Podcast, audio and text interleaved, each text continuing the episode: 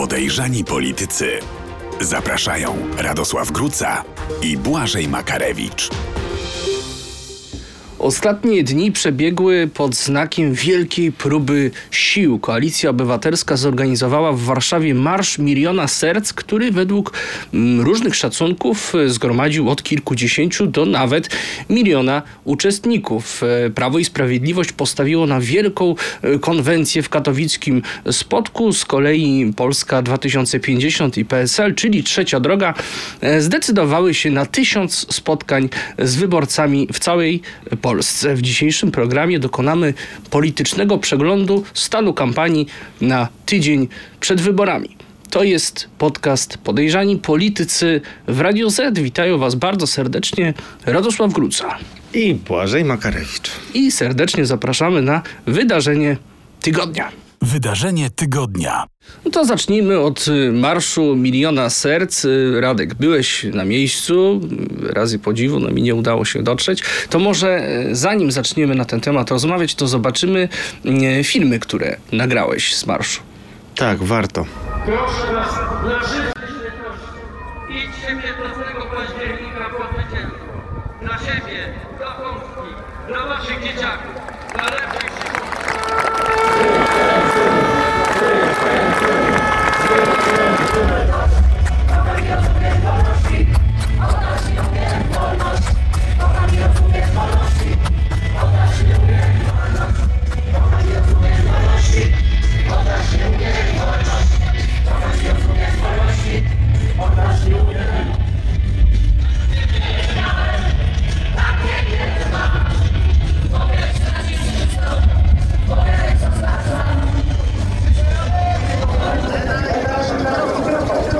Były wątpliwości, czy drugi marsz Koalicji Obywatelskiej w tej kampanii się uda.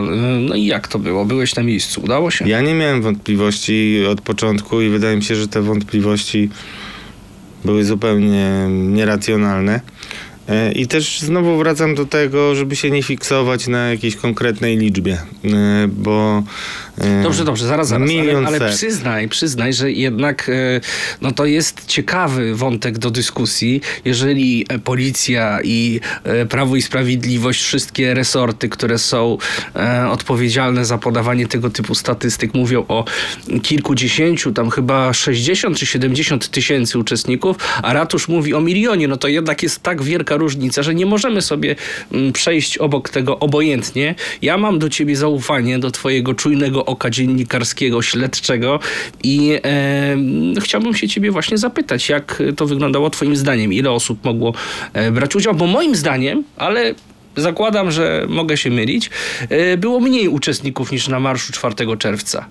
Serio, tak myślisz? Tak Znaczy- mi się wydaje. No To zgadujesz moje myśli, ale to jest takie wrażenie, które nie jednak nie koresponduje z faktami, e, bo kilka metod e, obliczeń wskazuje na to, szczególnie te, które pokazywały logowania komórek i jeszcze parę innych, e, no wskazywały, że jednak tych ludzi było więcej. Być może takie wrażenie rozlania się marszu po mieście powoduje, że takie wrażenie można było mieć. Ale, ale jednak fakty są takie, mm, że sukces frekwencyjny był olbrzymi.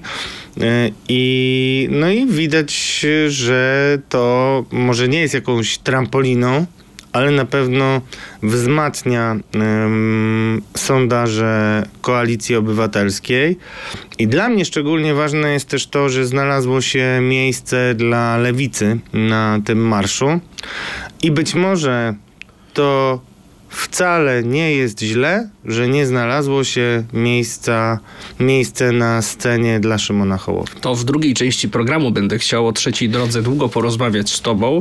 E, no właśnie, powiedz mi, czy ten marsz może być e, istotnym, silnym impulsem do przedwyborczej mobilizacji? No bo mówisz, to zadziała pozytywnie na sondaże.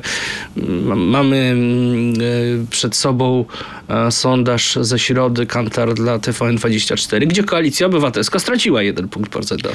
Okej, znaczy y, ja jeszcze raz powtarzam, nie przywiązuję uwagi do sondaży w tej kampanii, bo spodziewam się, że żadna z sondażowni nie trafi idealnie. Z różnych wielu powodów, natomiast przede wszystkim ten czynnik strachu jest dla mnie mm, no, czynnikiem, który nie wiadomo jak wpływa ogólnie na respondentów. E, I to jest e, podstawowa rzecz.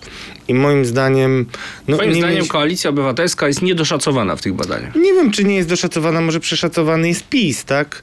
Znaczy, A PiS naj- twierdzi konsekwentnie, że jest niedoszacowany, że mają swoje wewnętrzne badania, z których wynika, że mają znacznie wyższe poparcie. O tym opowiemy, o tych przeciekach i y, co mają na celu, powiemy właśnie w drugiej części, która no, przede wszystkim powinna się... No myślę, moim- że w trzeciej części, dobrze. A w trzeciej części. No okej, ty jesteś tutaj y, trzymającym stery tak naprawdę mojego ADHD.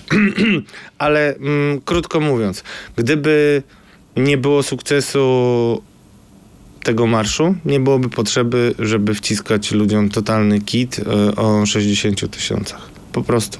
Znaczy PiS nie ma żadnego pomysłu na to, jak y, odpowiedzieć na no, najprawdopodobniej najbardziej yy, na- najwięk- marsz o największej frekwencji w historii Polski. Yy, I no i dlatego po pierwsze próbuje robić yy, mm, przemilczenie tego, po drugie próbuje wykrzywiać ogólny przekaz, czyli to, co mówi mm, sekretarz yy, Platformy Obywatelskiej Marcin Kierwiński o, o uśmiechniętych ludziach e, na marszu. Nam chodzi taki wielki prowokator e, z TVP, wielki, bo on wysoki, o to chodzi tylko, bo to w sercu to pewnie niekoniecznie, ale mm, który prowokuje ludzi i nagrywa potem tych, którzy się dadzą To sprowokować. ten, co do niego ludzie się tak brzydko odzywają. No brzydko się do niego odzywają, no ale to jest no, naprawdę ten człowiek, Adrian Borecki się chyba nazywa. No, jeśli przekręciłem nazwisko, to jego szczęście. E, Ale Adrian Borecki to jest taki człowiek, który no, powinien być w encyklopedii przy haśle prowokator, bo mm, on chodzi tak, e, przepycha się, zaczepia, zagaduje. No już samo e, logo TVP działa na protestujących jak płachta na byka, bo oni nie mogą się pogodzić z tym, jak tam są opluwani, niszczeni ludzie, więc y, to jest primo, ale to była niesamowita sytuacja, która zresztą koresponduje z tym, co wcześniej się działo i pokazuje nam, w jakim miejscu Polska jest dzisiaj. Problem z tymi 60 tysiącami największy polegał na tym, że y, tę liczbę rzucił Jarosław Kaczyński, tak? A policja próbowała, no bardzo długo stołeczna policja, mówić, że ona nie szacuje, nie liczy, nie wchodzi w to.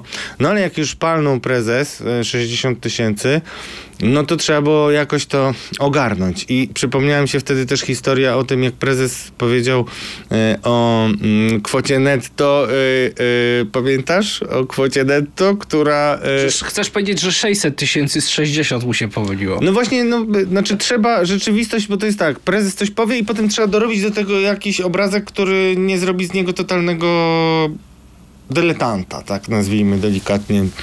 E, I e, tutaj, no jak wiesz, mam dobre źródła w policji mm, i pan rzecznik został mocno mm, e, zmuszony do tego, żeby jednak podać liczbę podobną, a to z kolei pokazuje nam, że żyjemy w kraju, gdzie już nas e, ostentacyjnie Tak, zresztą okłamują. policja no. nawet później tłumaczyła się, że ma swoje pewne metody obliczeniowe wynikające z formuły zabezpieczania marszu i to właśnie z, ty, z tej formy wynika, e, w, jaki sposób dochodzą do tego, ilu uczestników brało udział w marszu. Wiadomo, że te 60 tysięcy to jest e, mm, jakaś kompletnie absurdalna wrzutka, no bo gdyby, gdyby policja i MSW powiedziała... Nie, no bo wiesz to, tak- sorry, ja ci wchodzę w słowo, ale bo Dobrze. to my, ja nie chcę, żebyśmy dawali się wodzić za nos, a tego chcę władza, żebyśmy dyskutowali, czy było 60, czy 100, czy 150, czy 300. Nie, to nie w ogóle nie ma znaczenia. Znaczenie ma to, że mieliśmy wielki marsz, e, który, na który przyjechali ludzie z całej Polski. To jest bardzo ważne, tak? Ja miałem niesamowitą w ogóle historię y, mm, w taksówce, gdzie spotkałem kobietę, która rozpoznała mnie i zresztą muszę cię pozdrowić także e, i, i była zachwycona, przyjechała bodajże z Bielska Białej. No takich ludzi, którzy albo z...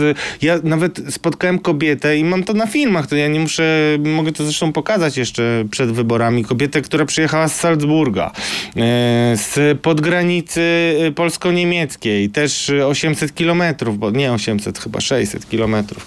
Ludzie z całej Polski tutaj przyjechali po to, żeby zobaczyć siebie i wrócić z nadzieją, że zmiana jest możliwa i że ludzie, którzy są też koło nich i którzy boją się ze swoimi poglądami występować, mm, pójdą do wyborów i odsuną PiS od władzy. I to się udało, ewidentnie. I jeszcze jest jedna rzecz, która jest bardzo ważna dotycząca tej niedzieli, że pamiętasz, y, y, wszystkim też polecam film z Bogatyni. Ja specjalnie pojechałem tam 500 kilometrów, żeby zobaczyć to, co uważałem, że może być game changerem tej kampanii i zobaczyłem łysienie plackowate. To, to y, zyskało wielki entuzjazm naszych komentujących, czyli no, mm, nie udało się nawet małego stosunkowo placu zapełnić, mimo że mobilizacja była wielka.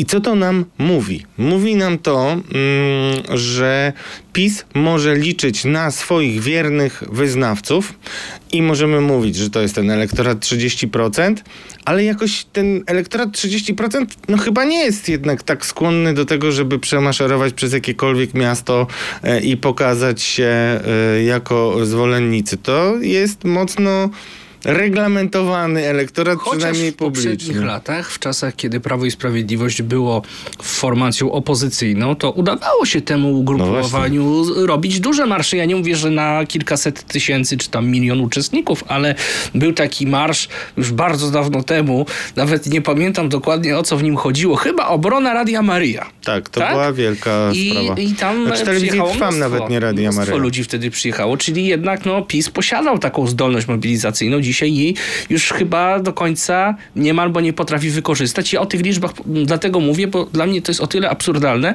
że jeżeli się tak zniekształca statystyki, no to za chwilę, jeśli Koalicja Obywatelska na przykład zdobędzie 40% w wyborach, no to TVP też idąc tym tokiem rozumowania powie, że no fiasko, kompletna katastrofa, tak? No tak, znaczy to... Tuska. No, możemy o tym e, myśleć. Natomiast ja wracam do tego, że jeżeli naprawdę ten marsz jest tak Znaczy ja błahy... chcę ci, żebyś, żebyś odpowiedział na jedno pytanie. Czy to może być impuls do wielkiej mobilizacji? Bo umówmy się, marszami nie wygrywa się wyborów. Wybory wygrywa się w dniu wyborów. E, pamiętam sytuację z 2020 roku, kiedy były wybory prezydenckie. Tam też mnóstwo ludzi gromadził wokół siebie Rafał Trzaskowski. Na tych wiecach było więcej uczestników niż na wiecach Andrzeja Dudy. E, i mimo to, mimo że potencjał po stronie opozycji wokół Trzaskowskiego był wówczas większy niż po stronie Dudy, czegoś zabrakło. Zabrakło mobilizacji w dniu wyborów. Jednak okazało się, że elektorat e, PiSu jest bardziej zdyscyplinowany, kiedy idzie już o wybór, m, ten ostateczny wybór władzy, niż elektorat opozycji. I czy w tej chwili może być inaczej? Czy są sygnały wskazujące na to, że udało się coś poprawić opozycji w stosunku do tych wyborów prezydenckich sprzed trzech lat. Są takie sygnały, o których mówimy i które się mm, cały czas powtarzają, znaczy potwierdzają. I tym sygnałem jest to, że w tamtych kampaniach był jasny plan i punkt po punkcie był realizowany. Nawet jak były jakieś korekty n- na e, kursie tego tankowca wielkiego, którym e, jest mm, PiS, to, to były kursy. A tutaj mamy wszystko od zera, tak naprawdę z każdym. Budzimy się co rano i może być zawsze jakaś niespodzianka. Oczywiście są wizyty w kole gospodyń wiejskich, zdjęcia na tle wojska, e, straże pożarne, które po prostu się e, non-stop e, przewijają przez ekrany. Oczywiście to są stałki. Czasami może jakieś kościelne imprezy, ale co do zasady, widać wyraźnie, że PiS próbuje łapać się y, czegokolwiek, żeby wejść, wskoczyć na tą falę wznoszącą. I najlepszym przykładem tutaj jest afera, y, no bym powiedział pedofilska, chociaż Jak na afery pedofilskie, które znam, to wydaje mi się to y, nadmierne, no ale nie wiem, czy wiesz, jest tak y, w internecie mocno teraz dyskutowana historia y, takiego pana y, Sylwestra Wardęgi, który ujawnił, że grupa celebrytów internetowych, influencerów, no ma tendencję do y, dyskutowania, czy też wręcz uwodzenia mm, nastolatek poniżej 15 roku życia e, i prowadzenia z nimi rozmów e, o tematyce seksualnej, co wskazuje na mm, potencjalne chęci do popełnienia przestępstwa, może coś więcej. Wiem o co chodzi w tej Ale wiesz, sprawie, dlaczego o tym nikogo mówię? nie znam, nie znam. Ja też, ja, ja nie znam dużo, chociaż, y, chociaż już mniej więcej się orientuję, tym bardziej, że y, staram się jednak z moimi dziećmi być na bieżąco o, y, z tym, co oglądają, więc niektóre te osoby są mi znane. Ale dlaczego o tym mówię? Dlatego, że jeżeli y, po jednak y, no, internetowej aferze, która jeszcze nie, nie była opisywana w głównych mediach, nagle wychodzi premier i zaczyna się odzywać y, i, i szukać tutaj jakiegoś tematu kampanijnego, to, to jest y, kolejny dowód na to, co mówię cały czas. I jest też sprawa Sebastiana M. Jest też sprawa, no właśnie, no do, dobrze, że o tym mówisz, tak? Znaczy sprawa Sebastiana, Sebastiana M jest o tyle i moim zdaniem y, innym przykładem, że po pierwsze tutaj mamy kolejny przykład y, no, katastrofalnej postawy policji i nie chodzi o to, jak oni Katastrofalnie, ale łapią. rządzący przedstawiają to zgoła odwrotnie. Ale to jest żenada, znaczy, bo oni nie powinni mu pozwolić w Tak, ogóle ale to jest odjechać. potwierdzenie tego, o czym powiedziałeś, że mm, PiS próbuje się już chwytać czegokolwiek na tym Ale to też jest odcinku. potwierdzenie tego, co widzimy cały czas, czyli że PiS sam e, jest odpowiedzialny za większość problemów, które potem rozwiązuje. Znaczy, gdyby nie było PiSu, to może by nie było tych problemów, bo to oni go wygenerowali. Ten jeden problem, drugi problem i tak dalej. Zobacz, e, tutaj mamy sytuację Sebastiana M., który e, wyjeżdża do, ucieka tak naprawdę z kraju, jest złapany w Dubaju, zresztą nie, nie do końca wiadomo, kto go złapał, czy to nie przypadkiem znowu nie ten feralny detektyw Krzysztof Rutkowski, czy policja. E, Paradoksalne jest też to, że ja mam mm, tutaj dziesiątki pewnie świadków w redakcji, że ja już w poniedziałek mówiłem, gdzie jest Sebastian M., tak? Bo takie Zresztą informacje, właśnie bo i nie zgadywałem, tak? tajemnicza koincydencja czasowa, bo e, w środę zatrzymywany jest Sebastian M. kilka godzin po tym, jak Onet publikuje głośny artykuł o e, maltretowaniu Ukraińca przez e, policję na Dolnym Śląsku. Dobrze, że o tym mówisz. Czyli znowu, to, i to jest problem policji już wygenerowany, czyli śmierci tak naprawdę. Ludzie, którzy zginęli jakby po zetknięciu się z policją, absolutnie nie byli e, przestępcami. No, co ja będę mówił? No, to jesteśmy w tak nienormalnej sytuacji, że ja muszę tłumaczyć, że e, spotkanie z policją nie powinno kończyć się śmiercią, tak? No, chyba to jest oczywista oczywistość. Jest więcej tego typu historii. Stan polskiej policji jest katastrofalny. Mariusz Kamiński mija się z prawdą, nawet y, y, tutaj w tym studiu, przychodząc do naszego prowadzącego Bogdana Rymanowskiego i opowiada o tym, że nie ma planów zmiany y, generalnego inspektora Jarosława Szymczyka, po czym sami jego no, mm, mm, paskowi, bym powiedział, czyli Cezary Gmys i pan Gociek do rzeczy piszą, że będzie taka zmiana, ale to będzie awans, wiesz, jak w Alternatywy 4, jak był wywalony My y, mówiliśmy o dozorca tym w kiedyś programie wraca. kilka tak. tygodni temu, że szykowana jest pewna pani. Czy to jest aktualne jeszcze? No jeżeli Cezary Gmys, który nie robi niczego absolutnie bez zgody Mariusza Kamińskiego, mm, no nie, przepraszam, który często bardzo y, podaje sprawdzone informacje z okolic Mariusza Kamińskiego, niech się pan, y, pan to może, niech Cezary Gmys się nie, nie złości.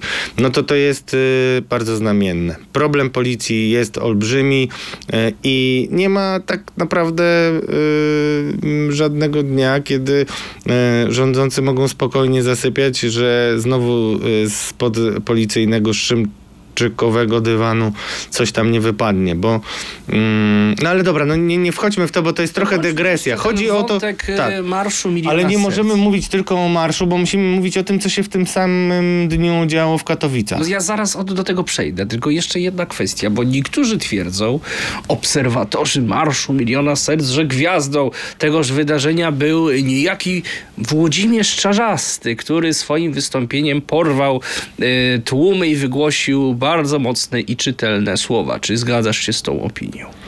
Nie, nie zgadzam się i nie będę teraz znowu narzekał na, na to, że było mało kobiet i tak dalej. Wiem, że y, wiele tych haseł było witanych z wielkim entuzjazmem, ale będę jeszcze raz konsekwentnie podkreślał to, że ważniejsze jest to, że mamy na jednej scenie tych, którzy zresztą byli najbliżej stworzenia jednej listy, czyli Koalicję Obywatelską, Nowoczesną i, i Lewicę i nie mamy Szymona Hołowni. I to jest szalenie istotne dla opozycji. Ja o tym cały czas mówiłem, krytykując ideę jednej listy, że mamy zlepionego Tuska i Lewicę, ale mamy też Szymona Hołownię z PSL-em, który wprawdzie jest stary, ale z Szymonem Hołownią ma, no i tą nową nazwą, też trzecią drogą, ma taki walor, że jednak są pewną nowością e, na scenie politycznej. Nawet Kukiz tego nie dawał e, w zeszłej kadencji PSL-owi. Mimo, że trochę im dodawał kolorytu, to jednak był już parlamentarzystą, a Szymon Hołownia nie był parlamentarzystą, ma swoich ludzi, którzy mogą powiedzieć, my jeszcze nie rządziliśmy, my będziemy, no zawsze jak coś jeszcze nie zostało zweryfikowane, to jednak może być nadzieją. A już taką nadzieją lewica, no ciężko, żeby była, bo jest dość ograna, charakterystyczna i tak samo koalicja obywatelska są nadzieją na to, że będą zmianą, ale że będą zmianą inną od tego, co kiedyś reprezentował sobą e, Donald Tusk jeszcze e, rządząc e, w 2007-2015, nie mogą e, być w tym wiarygodni. Dlatego trzecia droga dzisiaj jest, wydaje mi się, największą niewiadomą i to od wyniku trzeciej drogi będzie zależeć wszystko. Ja bym jednak tego wystąpienia Włodzimierza Czarzastego nie bagatelizował. Moim zdaniem, e, jeżeli to zostanie marketingowo jeszcze w tych ostatnich dniach kampanii wykorzystane, to lewica na tym zyska i w ogóle wydaje mi się, że gdyby Czarzasty jako lider wziął na swoje barki odpowiedzialność za ten e, ostatni, za ten finisz kampanijny, mm, to wszyscy w jego ugrupowaniu będą e, zadowoleni. Katowicki, ja bym- katowicki spodek. Od razu ch- chciałbym, żebyśmy No do tego przeszli. No dobrze. E, PiS zorganizował tam konwencję, bo jak przekonywali politycy tej, tego ugrupowania, kto wygrywa na Śląsku, ten wygrywa w całej Polsce. A to nie było tak już z końskimi i tak No jakimiś innymi, no. optyka się zmieniła. No bo to się optyka zmienia jak w 1984 książce Orwella, gdzie jednego dnia z jednym mocarstwem walczymy od zawsze, a za tydzień się okazuje, że od zawsze byliśmy z nim w pokoju, a tak naprawdę inne mocarstwo jest naszym wrogiem. Zwracam na to uwagę, bo to też, zobaczcie, nawet wiadomości, y, które y, są pokazywane codziennie, y, mają chyba dwu czy trzydniowy termin przydatności do obejrzenia w internecie, a potem się je wyłącza. Już jeżeli sobie nie nagrasz, to już ich nie obejrzysz. Właśnie dlatego, że dużo takich niekonsekwencji i wręcz mówienia zupełnie co innego niż Co możemy powiedzieć temu. o tej konwencji? Dobrze. O konwencji możemy powiedzieć, że była zamknięta i wiesz, co mnie najbardziej y, rzuciło się w oczy. Poza tym, że oczywiście tam był Tusk, Tusk, Tusk, Niemcy. Był, y, jak, jak to nazywał prezes Jarosław Kaczyński, żeby nie wrócił system Tuska, tak? Po to się y, walczy y, w tych wyborach. System Tuska to jest w ogóle nowość, y, którą y, tutaj lansuje trochę za późno na to, żeby mówić o systemie Tuska, wcześniej były jakieś inne pomysły i chodzenie na pasku Niemiec. Zresztą znamienne jest to, że prezes już ostentacyjnie mówi o tym, że koalicja obywatelska jest partią niemiecką. To może być mordercze e, dla e, PiSu, bo kiedy mówi się to w dniu, kiedy koalicja obywatelska ściąga milion ludzi z całego kraju, I jeszcze się przy okazji potem tych ludzi y, wyzywa od najgorszych w internecie i robi się z nich jakiś zadymiarzy w TVP, a na koniec mówi się o nich, że są partią niemiecką, to naprawdę to może być e, bardzo, bardzo potężny bodziec dla tych wszystkich uczestników marszu, widzów i sympatyków, żeby przejść się naprawdę po całym swoim osiedlu i spróbować jednak tych ludzi, którzy tam siedzą w domu i oglądają tylko e, głównie e, sport i jakieś e, mam talent show e, do tego, żeby się przeszli na wybory. Dlatego, że to jest bardzo poważna potwarz i o ile sami politycy Platformy się do tego przyzwyczaili, to już zwolennicy ich, którzy przychodzą na ten marsz i są wyzywani na koniec, tak to trzeba e, podsumować,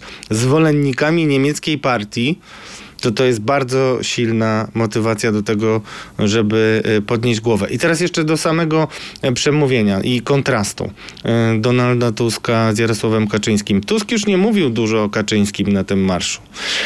Tusk starał się iść z pozytywnym przekazem e, i to bardzo biło po oczach. Przypomnę, że za sobą miał też różnych artystów, którzy śpiewali e, Wolność, kocham i... No tak, to było charakterystyczne, że to nie była malutka, tylko taka spora grupa różnych artystów. No. którzy śpiewali i zresztą te śpiewy były podchwycone przez tłum. E, Był tam Jurek Owsiak i wcale nie jest tak, że to nie ma żadnego znaczenia. I cała ta w ogóle otoczka Marszu Miliona Serc, no ja mówiłem to od dawna, że bardzo nawiązuje do Wielkiej Orkiestry Świątecznej Pomocy, bo przecież zobacz, jechałem e, w poniedziałek i we wtorek do pracy i mijałem rowerzystów e, i nie tylko, ludzi, którzy tak jak po finałach mi, mistrzostw, po finałach Wielkiej Orkiestry Świątecznej Pomocy mieli na sobie przylepione serduszka i niektórzy naprawdę będą mieli cały czas te serduszka idąc także do urn wyborczych, mimo że to nie jest żaden ym, wprost emblemat partyjny.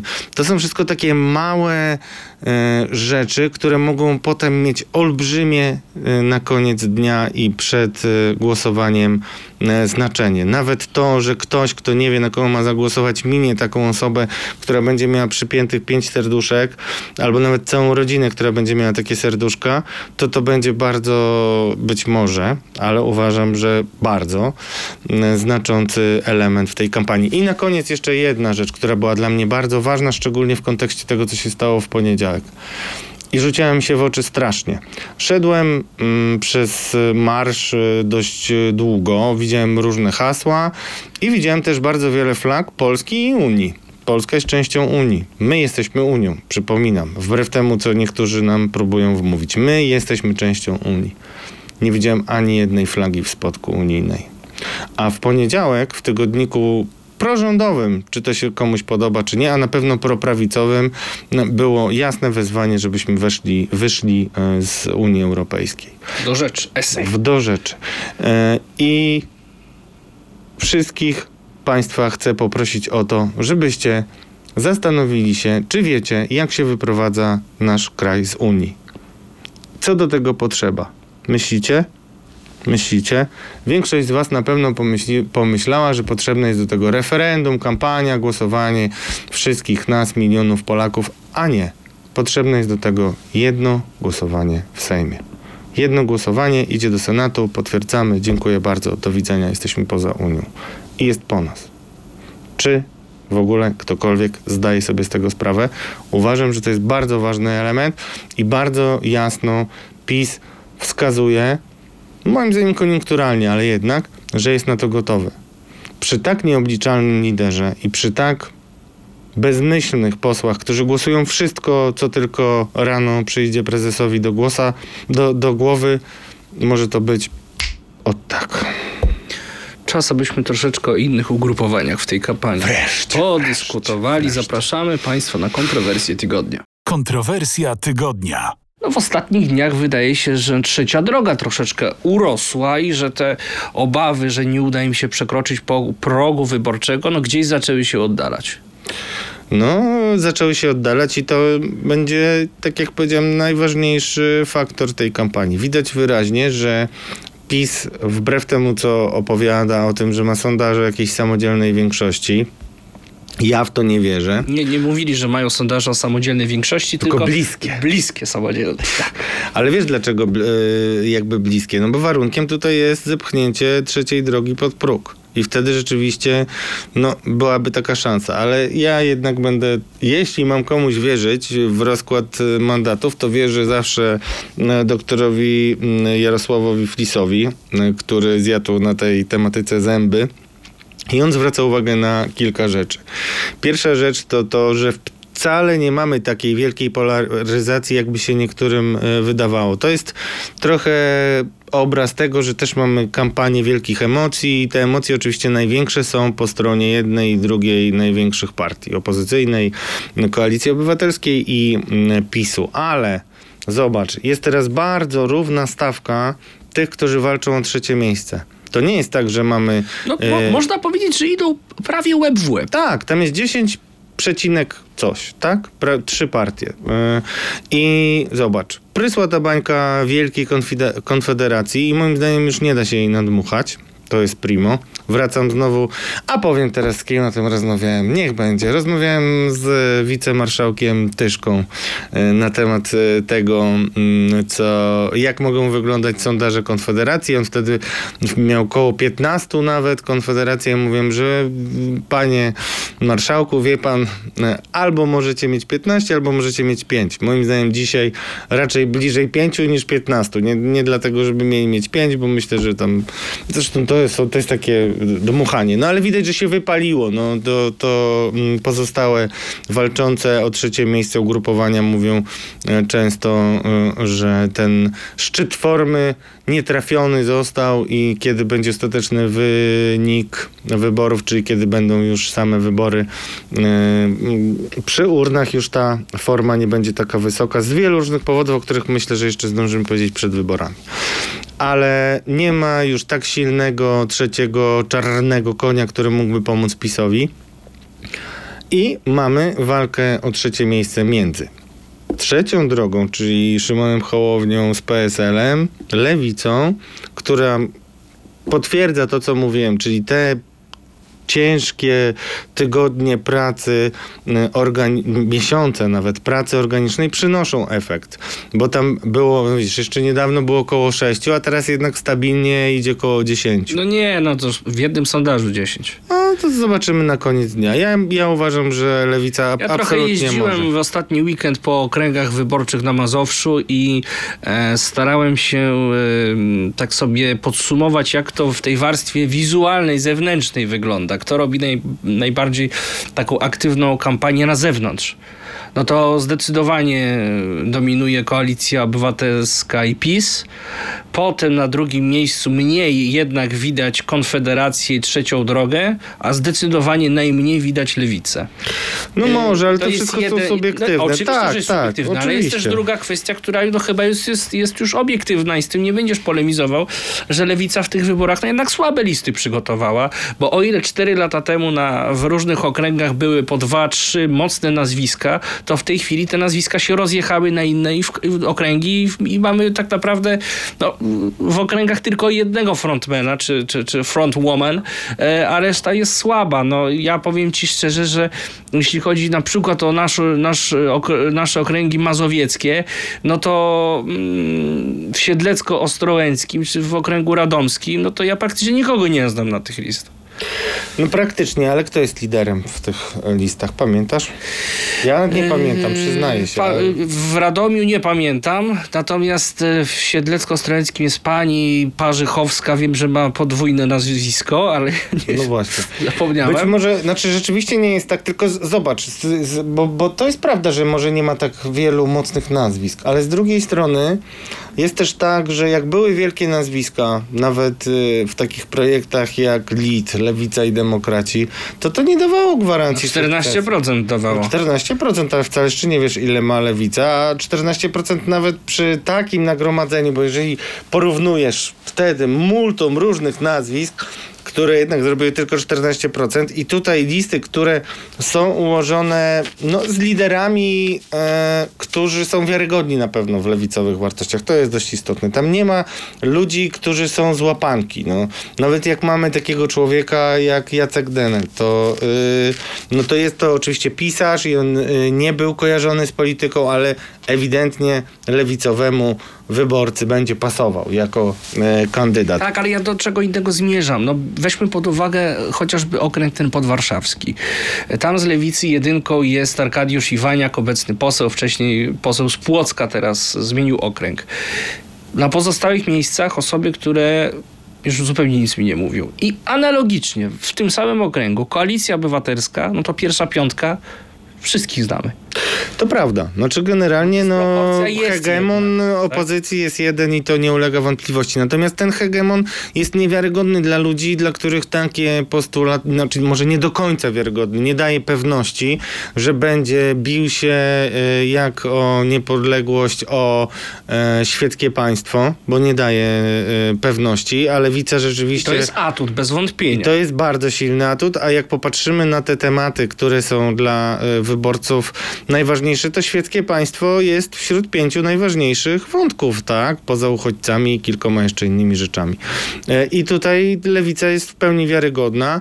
Moim zdaniem nie wykorzystała swojego atutu w postaci tego majątku e, kościelnego. Ma Tak, to bo ty miesiącami jeszcze- o tym mówiłeś w Tak, tym no programie bo- i nic się wokół tego nie wydarzyło. Ale wiesz, dlaczego się nie wydarzyło? To jest właśnie taka paranoja tej polityki, bo mimo, że temat jest super wyborczo sexy, bo trzeba o tym powiedzieć, to jednak ciągle mm, brakuje ludzi po prostu w tych kampaniach, którzy mogliby najprostsze rzeczy zrobić. I okazuje się, że z jednej strony działalność y, Agaty Diduszko-Zyglewskiej, która kandyduje z warszawskiej mm, listy i Joanny Szojring-Wielgus y, jeszcze wcześniej jako posłanki nowoczesnej, teraz jako posłanki lewicy, no zrobiła mm, no, absolutny przewrót w umysłach i sercach bardzo wielu Polaków. I to nie ulega wątpliwości. Ale na koniec dnia okazuje się, że to głównie one muszą tam wpisywać różne rekordy m, do mapy majątku kościelnego, że nie mają wcale tak wielu odważnych prawników za sobą, którzy by pomogli i tak dalej, i tak dalej. Czyli, że można, jednostka może zrobić e, różnicę i może dać pewien impuls do zmiany, ale muszą jeszcze stać za tymi jednostkami ludzie, którzy to pociągną i pójdą dalej. I dlatego moim zdaniem ten wielki atut, który mógłby robić zmianę e, w wyborach, no nie zostanie wykorzystany. I moim zdaniem jest to błąd ze strony lewicy, ale to już jest e, kwestia ich e, podejścia.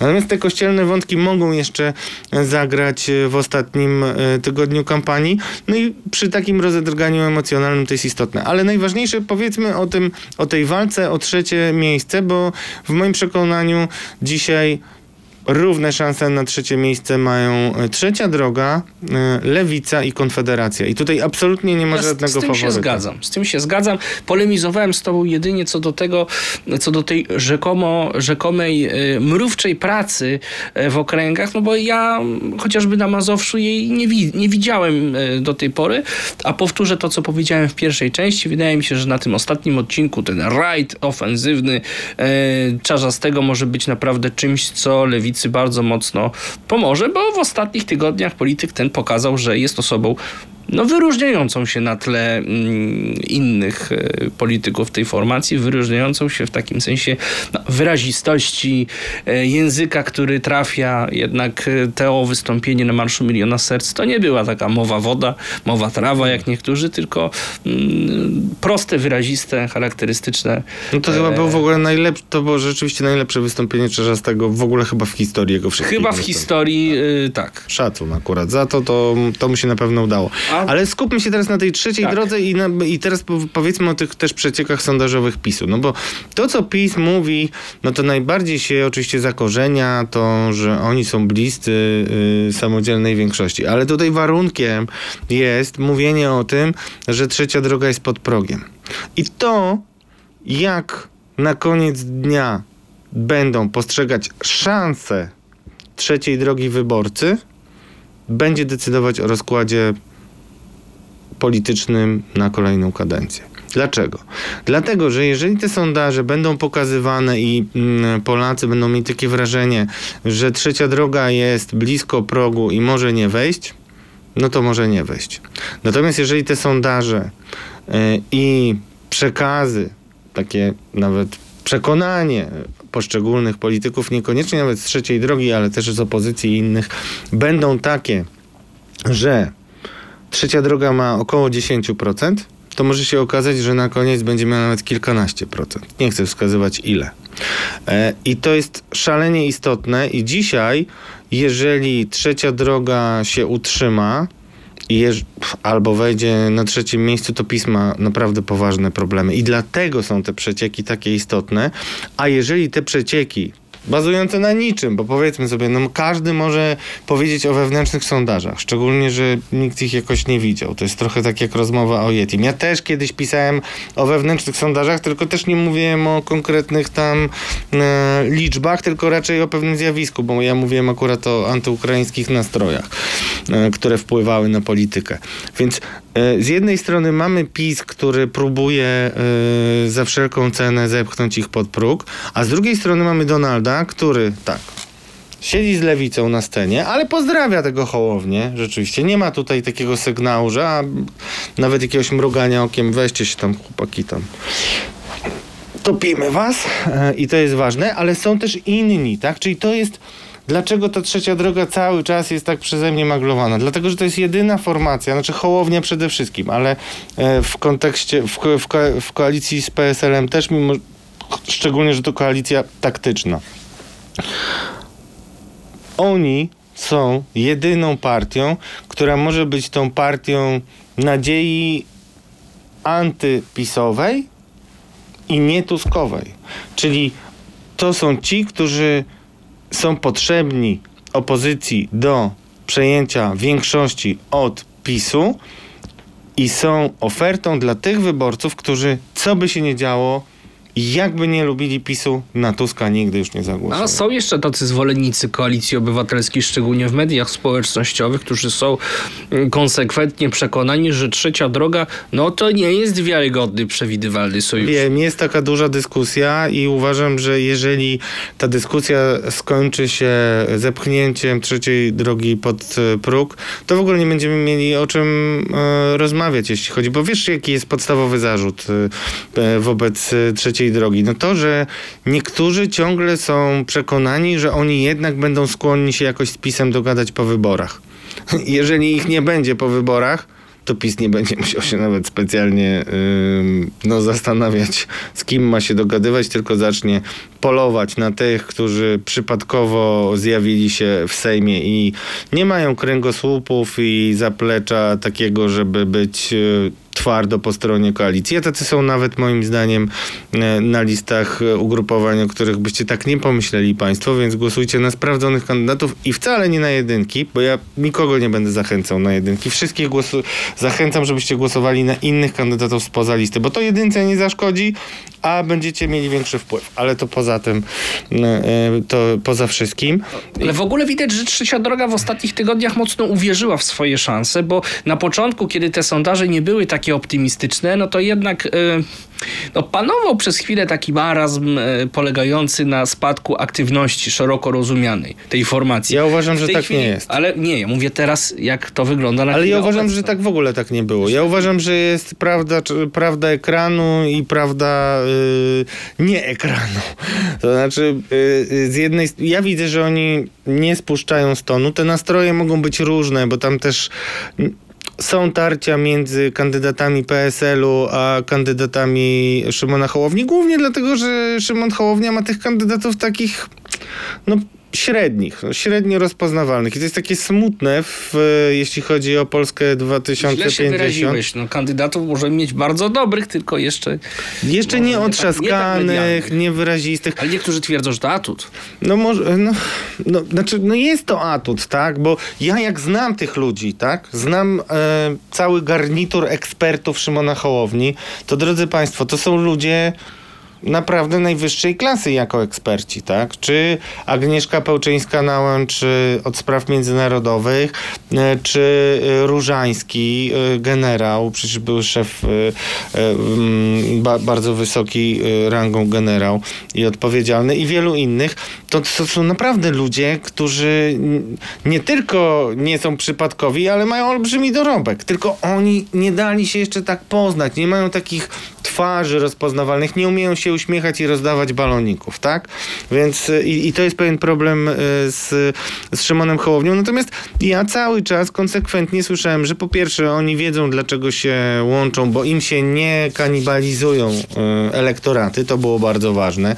Po drugie PSL jest cały czas poza PiSem najsilniejszą partią strukturalnie w regionie co do zorganizowania się. E, e, No a po trzecie, no tak jak mówię, no są, nie są Donaldem Tuskiem.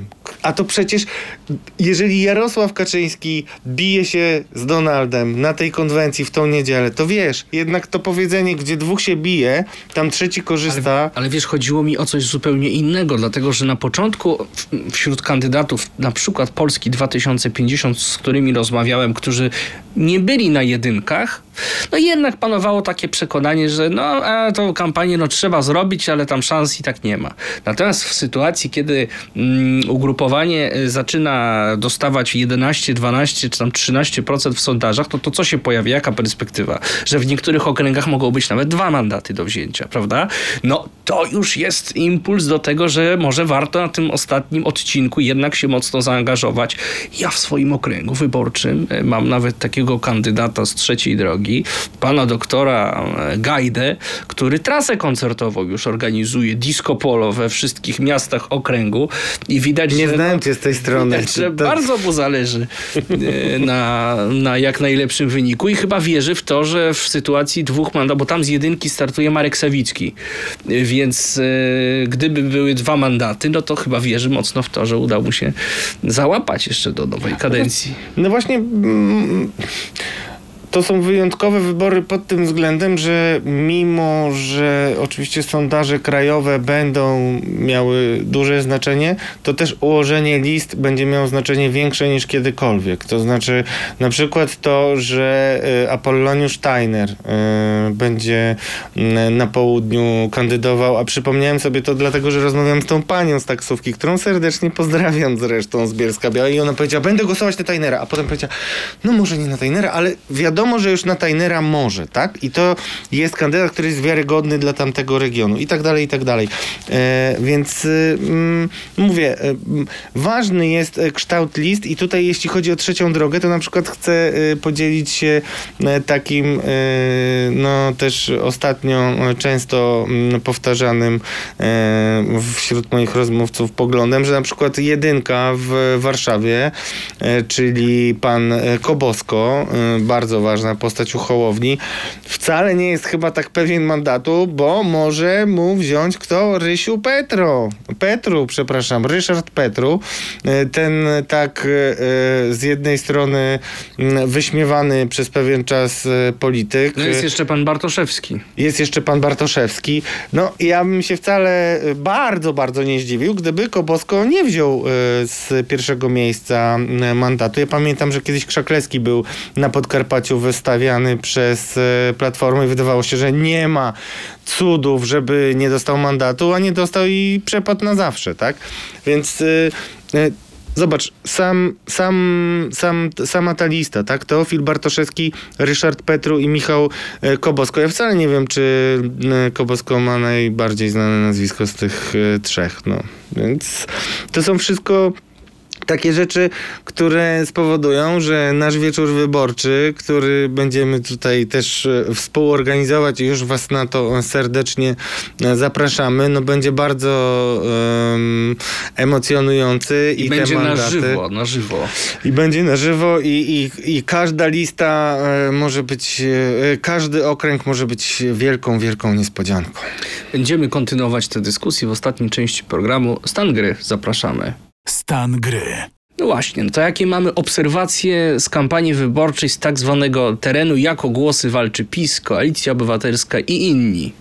No, ja powiem, że tak jak już mówiłem wcześniej, widzę, że PiS jest bardzo powtarzalny e, w kampanii, czyli non-stop codziennie widzę straże pożarne, e, zawsze koło gospodyń wiejskich, gdzieś tam zawsze ci żołnierze, których rzekomo trzeba bardzo e, bronić i to jest stałka, no i oczywiście straszenie Niemcami, no to widzimy na co dzień. Natomiast są też takie mm, no, nietypowe, bym powiedział, y, w ostatecznym rozrachunku y, stare metody. Y, A dlaczego nietypowe? No, bo ulotki nie są niczym nowym, ale kiedy ulotki dostajesz w ramach kampanii referendalnej do swojej skrzynki i tam straszą cię, że uchodźcy są w zasadzie już tuż, tuż, bo słyszałem o takich sytuacjach na przykład na Podkarpaciu, że tam rzeczywiście ludzie przychodzili y, do sąsiadów i się pytali, czy rzeczywiście ci uchodźcy są już tak y, tuż, tuż, ci czarni, Ale to Prawo i. Sprawiedliwość robi rachunek sumienia?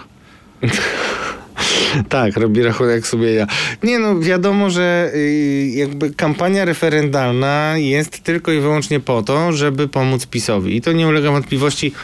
Polecamy też wszyscy to, co mówili e, Jacek Czoputowicz, czyli e, ta kwestia mechanizmu oddawania głosów, która może automatycznie dawać kilka procent PiSowi więcej.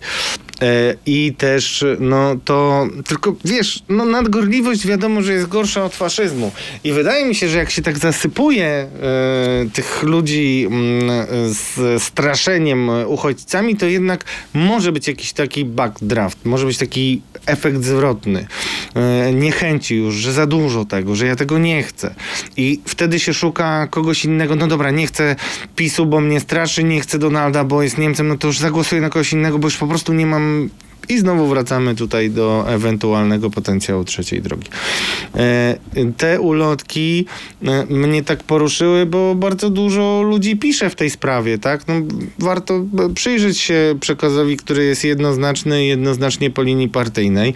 E, też warto sobie przypomnieć to, co mówiliśmy w, ostat- w ostatnim naszym podcaście a propos Andrzeja Dudy, bo Andrzej Duda w czwartek występuje z premierem Morawieckim i też próbują dmuchać ten e, balon e, rzekomego zagrożenia relokacją, która jest dużo mniej groźna niż dziurawy płot na granicy, przez który przeniknęło kilkanaście tysięcy No według I w ogóle raportów. bardzo liberalna polityka migracyjna obecnego rządu. No, liberalna.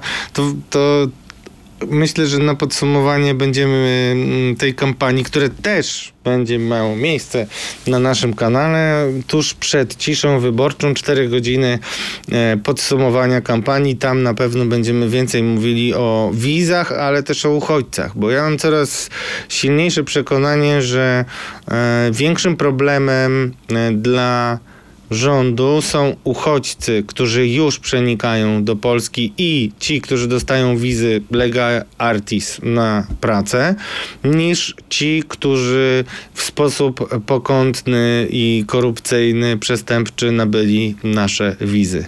I o tym, jak e, mm, no to będzie bardzo ciekawe i to ujawnię w ostatnim dniu kampanii, jaka jest moja wizja e, tego, e, tego faktu. Natomiast tak czy inaczej, największym problemem jest Mariusz Kamiński, minister spraw wewnętrznych i administracji, nie tylko nadzorujący policję, granatnika, e, broniący e, Jarosława Szymczyka, ale też odpowiedzialny za to, że mamy dziurawy mur i też za działania służb, bo przecież on jest koordynatorem służb e, specjalnych.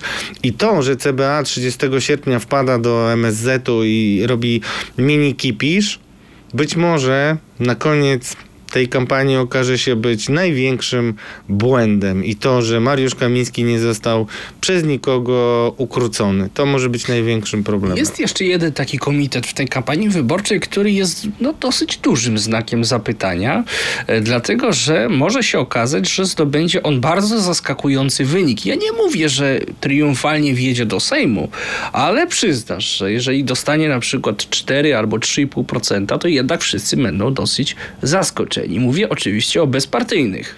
Właśnie co oni zrobią z tą kasą, bo to przecież będzie subwencja. Kto to w ogóle wyda? O co chodzi? No ja nie, nie chcę o tym mówić, no ale oczywiście musimy. Znaczy, dla mnie nie ulega żadnych wątpliwości i zresztą z tego co wiem, można to już mówić nawet e, nie narażając się na procesy, no, że jest w pewien sposób no... Jakiś no związek. jest związek, yy, no, na koniec dnia na pytanie cui bono na ich starcie, no musimy odpowiedzieć, że PiS tylko może na tym zyskać. I to nie ulega y, wątpliwości, bo oni nie mają szansy na realny start, ale mogą poodbierać Głosy y, opozycji. Głosy Na przykład trzeciej drodze, którą tutaj wskazujesz jako ten Każdemu. pomost między PiSem a Platformą dla niezadowolonych wyborców. Tak, i dlatego no, jest to ciekawe i jest to... Ale wiesz, co teraz mi przyszło do głowy? Że może być taki scenariusz tutaj podobny z 2015 roku, yy, bo wówczas przecież podobny wynik do tego, o którym teraz rozmawiamy, hipotetycznego wyniku, osiągnęła partia Razem, która wtedy zdobyła chyba prawie 4 czy ponad 4%, już dobrze nie pamiętam. Na pewno załapała się na subwencje, no ale wszyscy później wskazywali, że to był taki ostateczny cios w Zjednoczoną Lewicę, która e, nie przekroczyła progu, nie weszła do Sejmu. I czy tutaj nie widzisz analogii właśnie między bezpartyjnymi a trzecią drogą, która też Znaczy, walczy o 8%. Analogii dla wpływu na wybory, tak. Natomiast analogii co do samej tożsamości danych, nie, nie, absolutnie, danej absolutnie grupy. o to mi nie chodzi. Tak, tak. Nikt no miał może to jest zagrożenie na pewno e, i wydaje mi się, że e, no bardzo dobrze się stało, że jednak były te rozstrzygnięcia już sądowe i politycy opozycji bardzo jasno mówią, że to nie są żadni niezależni samorządowcy, e, bo no mogłoby to się tak skończyć, ale wydaje mi się, że jakoś to się udaje neutralizować. E, Zresztą koalicję. bezpartyjni też robią, jak na tego typu komitet, całkiem aktywną kampanię w terenie. Ostatnio zorganizowali też konwencję, no, która może nie była tak imponująca jak ta z katowickiego spotka, ale widać było wyraźnie, że kosztowała jakieś pieniążki. O, tutaj też pojawiają się pytania. Tak, skąd są Źródła finansowania. Dlaczego tacy hojni są y, ci, którzy Kim są darczyńcy? I kim są ci darczyńcy? Tak, tym bardziej, że przepływy w Polsce w, przez ostatnie lata są bardzo mało transparentne. No jest to zasadnicze pytanie. W ogóle te pieniądze y, o, oczywiście y, są po stronie rządzących i akolitów, i sympatycznie y, się odnoszących, czy też potencjalnie współpracujących po mm, wyborach ugrupowań bardzo wyraźnie widoczne. Niektórzy moi rozmówcy mm, wskazywali też nieoficjalnie, że podczas samego procesu zbierania podpisów bezpartyjni mieli pewne dodatkowe mm, wsparcie, Ze zaangażowanie. strony, ze strony partii rządzącej. No to już mieli, to już kiedyś trenowaliśmy. No kiedyś Marek Jakubiak miał takie dziwne jakieś historie zbierania mm, e, podpisów. W ogóle te zbierania podpisów to jest e, oso, osobna e, dziedzina e, kryminalistyki, bym powiedział. Niczego oczywiście, szanowni państwo, Nie, nie, sugerujemy, natomiast Nie, nie, no, wyrażamy podziw, że e, na tle tych innych nowych komitetów, no tylko bezpartyjnym udało się zebrać podpisy. Znaczy, całym ja kraju. też, ja też wszystkich chciałbym Państwa, ponieważ bardzo dziękuję Wam, że tak często piszecie do nas i wysyłacie różne e, materiały, które też się pojawiają, jak wiecie, to chciałbym wszystkich Państwa zachęcić do tego, tych zaangażowanych widzów i widzki, słuchaczy i słuchaczki, e, żebyście e, wysyłali pytania do kandydatów, szczególnie kandydatów mm, z grona posłów, o to, jakie mają limity na kampanię. Dlatego, że drodzy Państwo, jest pewien budżet kampanijny, który komitet y, wyborczy rozdziela po, poszczególnych kandydatów. I wobec tego ja chciałem spytać, jak to jest możliwe, że na przykład w Świętokrzyskim po prostu nie da się przejść przez ulicę, żeby nie natknąć się nie na plakat, ale na billboard y, pani Krupki, pani wiceministra sportu, kiedyś makijażystka, e, pani Krupka, tam nawet y, na Świętokrzyskim tak mocna jest to osoba, że mówi się o Krupkowszczyźnie, czyli o tam regionie jej zwolenników. I tak samo chciałem zapytać publicznie, ile pan Daniel Milewski mm, ma billboardów i jaki ma limit, bo słyszę, że tam niedaleko Warszawy też jest e, trudno nie natknąć się na jego plakaty i różne materiały. Tak. No tego jest masę i e, zachęcam wszystkich Państwa, tak jak pisaliście do nas e, i mm, używaliśmy tego, żeby pokazywać Wam różne dziwne wykwity i inwestycje partii rządzącej. E, Wysyłaliście nam przed kampanią e, plakaty, które gdzieś tam e, szybko wyrastały, jak grzyby po deszczu. To teraz ja myślę, że to jest ten czas i ta kampania, kiedy powinniśmy przestać patrzeć przez palce na no, nielegalne finansowanie kampanii, bo to tak trzeba mówić. Jeżeli ktoś przekracza limity, jeżeli dany komitet wyda więcej niż może, to naraża się na olbrzymie, olbrzymie reperkusje finansowe. I ja nie wiem, jakby PiS sobie poradził, gdyby takie y, kary i zabranie subwencji y, by nastąpiło. Więc wszystkich, którzy są Myślę, jakby że- są myślę, zwolennikami praworządności i nie nie, uważają, PiSu że... dotyczy Oczywiście, że nie tylko, nie, w ogóle to nie, nie, nie, to nie dotyczy, w, znaczy to, to jest problem powszechny, natomiast to, co było, tak jak mówię, korupcja była we wszystkich y, y, jednak y, etapach rządów w Polsce, ale różnica jest taka, że jest kopiec kreta i kopiec kopciuszki. I ten kopiec kopciuszki i korupcja i rea, realia mafijne, zasady mafijne w rządzeniu państwem, no Najbardziej wykwitły skromną teraz. kampanię w tej kampanii, w, te, w te, kampanię w tej kampanii em, e, prowadzi, mam wrażenie, Donald Tusk, bo jeszcze się zna, za nie jednym No, no. banerem nie spotkałem Tuska. Ja też nie widziałem. No Taka właśnie, bo- kampania jak Cimoszewicza z 19 roku. Oj, no to tak, no tak, to fakt, ja też nigdzie nie widziałem, to prawda, ale, ale yy, no po, problem jest bardzo poważny, a, a jak już mówisz o tym, kto najmniejszą kampanię robi, to paradoksalnie z tego, co słyszę, to w Konfederacji jest najmniej pieniędzy, co jest nawet może zaskakujące, bo tam nawet na ten, y, tam jest problem z wypełnieniem na niektórych listach y, no, pieniędzmi tych poszczególnych limitów, więc to też może na koniec dnia, kiedy będziesz już tą ostatnią prostą do, do e, urny wyborczej pokonywał i nie natkniesz się na e, plakat Konfederaty, no to może się okazać, że jednak o nim zapomną niektórzy, szczególnie młodzi e, ludzie, bo to też jest tak, że zwracam uwagę, że Konfederacja swojego głównego przeciwnika ma na lewicy. Oni tutaj i to, to, to jest ich główny, yy, główny przeciwnik.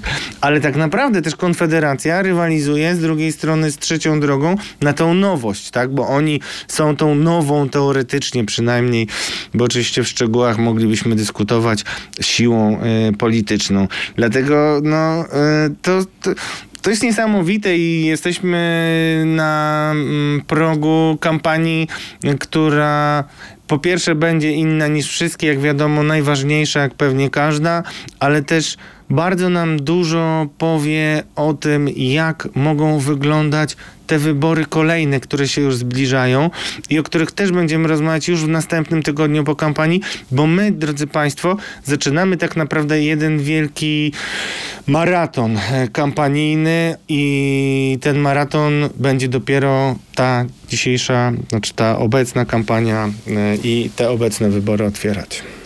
Kończymy. Szanowni Państwo, w przyszłym tygodniu zapraszamy na ostatni odcinek podejrzanych polityków przed wyborami. Nie ostatni w ogóle. Słyszymy się później po wyborach, już w nowej albo w dotychczasowej, starej rzeczywistości będziemy dyskutować o meandrach i kulisach świata polityki w Polsce, ale chcemy też zaprosić Państwa na dwa ważne wydarzenia. Radek.